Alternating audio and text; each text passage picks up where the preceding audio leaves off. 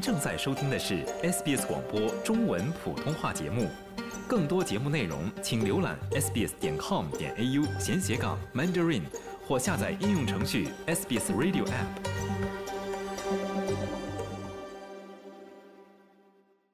听众朋友，欢迎您收听 SBS 电台的中文普通话节目。那在澳洲历史悠久的墨尔本兆丰中乐团呢，是将于八月二十七日举办一场四十一周年的周年音乐会，在攀高峰。那届时呢，乐团会用中国传统的乐器演奏古今名曲啊，其中呢就包括著名的《红楼梦》选段，以及呢近代的流行作品，通过美丽的音符呢，带大家畅游天山、泰山和风景优美的旅游胜地。那在今天的节目中呢，我们是很高兴的，请到了赵峰中乐团的助理指挥啊，同时呢也是声演奏者林小进来介绍一下这次的活动，同时呢也跟大家分享一下他自己学习声的故事啊。小进你好，哎你好，小进能不能先简单的跟听众朋友介绍一下自己啊？好，可以啊，我名字叫林小进啊，我是来自新加坡的，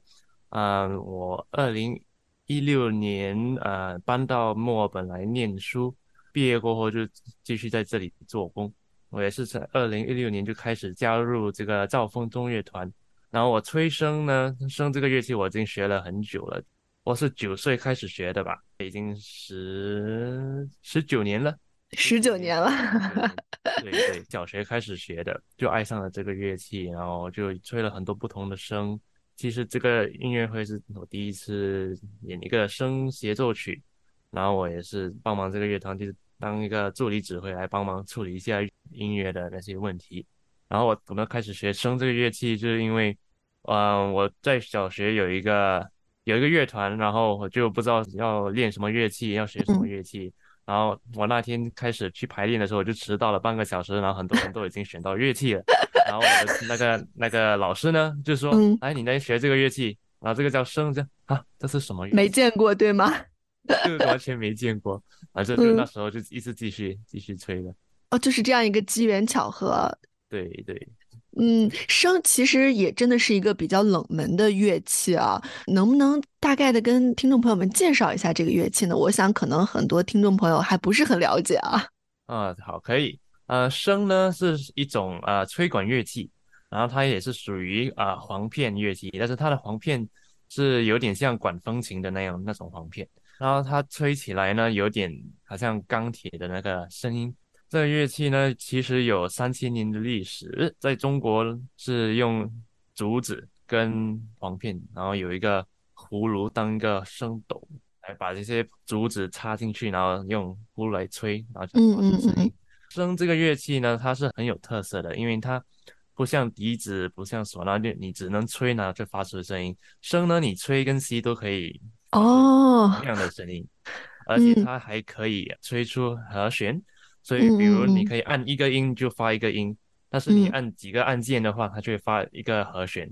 嗯，笛子、唢呐，他们你吹，你按一个指法，就是就有一个音，就是生的一个特色。然后有时候就跟朋友讲啊，我这个乐器有点像一把枪，像 machine gun 那样，因为它有很多很多的那个管，真的是好像一把枪了。而且我在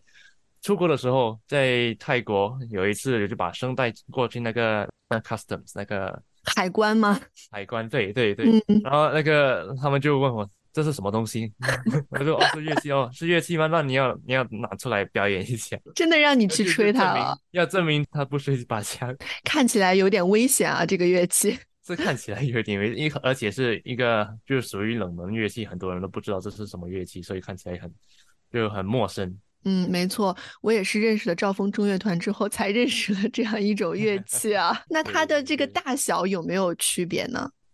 嗯，有有，所以呢，它声有很多不同种。最开始的是一个那个传统声，就是手手里可以拿住的，然后它是小型的。过后就中国有很多那个改变，为了乐团的作用，就发明了高音声、中音声。次中音声跟低音声，嗯，他们就会比较适合在乐团里面用，因为那个传统声呢，它在音阶上不是有所有一个音的，就是可能它在一个音阶应该有十二个音，但是声可能只能吹八到九个音，啊、嗯那比较现代的声就能够吹那整个十二个音，在乐团就比较好用，你要转调什么的就比较容易。然后而且它就加了很多那种扩音管，就比较大声，传统声嗯它就没有、没有那种音量。然后不同声就那个中低音声、高音声，它高音声就比较小，然后那个音乐低音的乐器就哦越越大越重。嗯对，就嗯，最大的就是那个低音声，它可以大概一点一点二米高吧，哇哦，然后它非常重。对嗯对，那您在这次的这个音乐会中啊，要使用的声是哪种声呢？所以音乐会呢，我是会用高音声，嗯，通常在乐团就是用高音声，除非是嗯用要吹那种比较传统的乐曲。那小健啊能不能在我们的节目中也现场的跟听众朋友们来吹一段啊？您即将在这个兆丰中乐团的周年音乐会上演奏的声独奏的片段呢？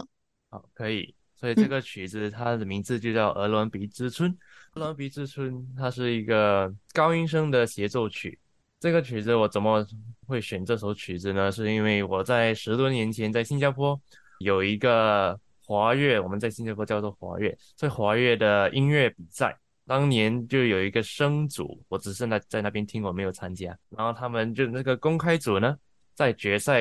那个指定曲就是这一首。然后我嗯，在那时候就听了就觉得很好听，然后很喜呃欢。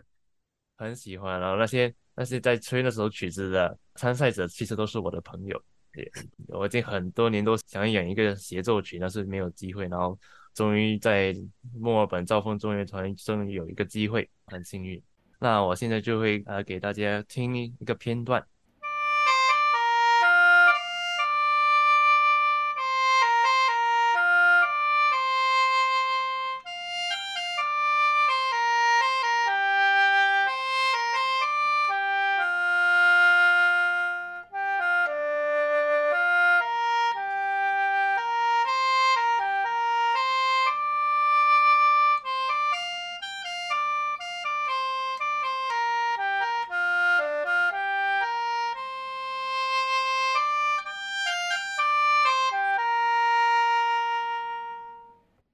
那听众朋友，您刚才听到的这个呃声独奏呢，就是《鹅銮鼻之春》的一个选段哈。那小静啊，我们接着再来聊一聊这个兆丰中乐团的周年音乐会啊，能不能简单的为我们介绍一下即将举办的这个再攀高峰的中乐会有什么样的特别之处呢？所以我们今年呢，就啊，兆丰中乐团就庆祝我们四十一周年。我们音乐会的主题是再攀高峰，就代表我们我们每年都希望我们的那个水准越来越好，然后音乐做得越来越好听。我们今年的曲子也有几个曲子的名字有山在里面的，就是《泰山颂》，还有嗯《天山盛会》。对对，我们其他的那些呃曲子都也是很很有特色的，代表我们去好像不同的旅游景点。我吹的那首《鹅銮鼻之春》，鹅銮鼻也是一个也也是属于一个景点。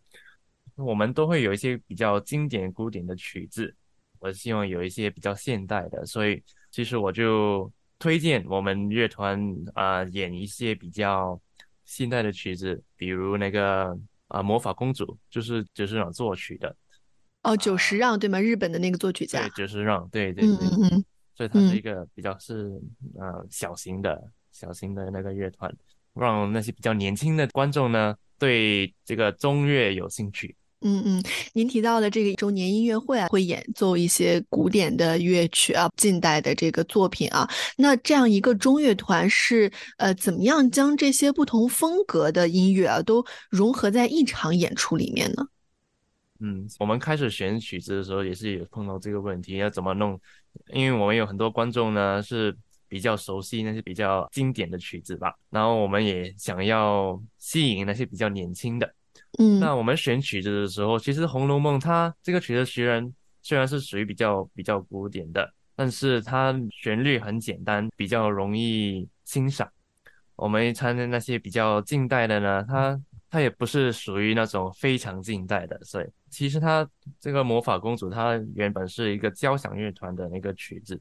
它还是有一点那种 classical 那个那个感觉啊，嗯所以就可能会就比较容易混合在一起，因为还是一个大乐团的那种曲子。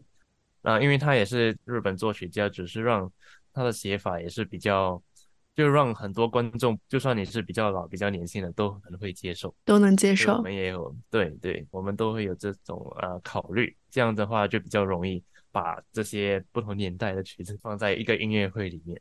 那也是一个啊、呃表现我们乐团其实我们也有很多来自不同地方的的团员啊、嗯不同年龄的团员，所以它也是代表我们不同团员的这个意思吧。嗯嗯，有老一辈的团员，然后也有一些年轻的团员，对对吗？对年轻的团员也会为呃咱们这个招风中乐团注入一些新的色彩吧，可以说。那同时，您刚才也讲到了，这次音乐会的主题是带观众啊一起去畅游各个旅游景点吧，有山啊，有水，对吧？天山啊，泰山。对嗯，那音乐啊，在您看来，如何能够诱发人们的想象力啊？想象我身处在这个泰山上，音乐有什么样的能力能诱发人们的这种想象力，包括这个情感的共鸣呢？嗯嗯，所以音乐呢，它就通过不同的节奏、不同的旋律、不同的写法，可以让你觉得好像哦很很优美，或者你爬山的时候那个天气变化，然后那旋律会换，然后节奏会比较快，